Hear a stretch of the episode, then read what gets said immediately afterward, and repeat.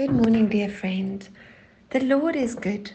This morning, as we come to Him, He asks us, Why do you have anxiety, my child?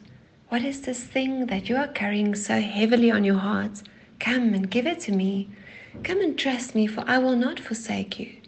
It is almost as if though He wants us to feel the weight of the problem physically in our hands, so that we can realize how heavy it is and let it go to Him. Child of God, the Lord doesn't want you to walk around with a weighty heaviness like a horse. It doesn't suit His child. That is why He's saying to you this morning that you should realize how heavy these burdens are and just choose to release them to God. Feel how you let go of the weight as you release it to Him and see how His shoulders are broad enough to carry all your extra weight. As you release the weight, you can rejoice knowing that God wants to help you with everything. I once heard a testimony about a woman that wanted to climb out Mount Everest. At a certain point, someone volunteered to carry her backpack for her. But she felt that it was required of her to show her strength by carrying it herself. Soon thereafter, however, she suddenly sat down, realizing that she wasn't going to make it up the mountain with the bag.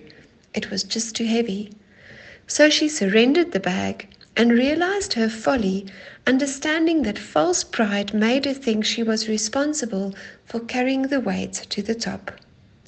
Surely, when God is offering us His grace, we would be foolish to not accept His helping hand. God is saying, No, don't continue to carry your burdens like a heavy walking bag.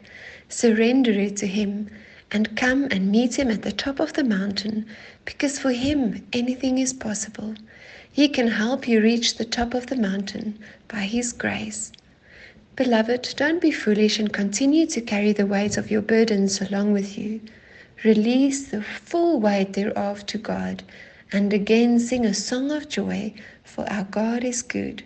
I pray this for you in the name of Jesus. Amen.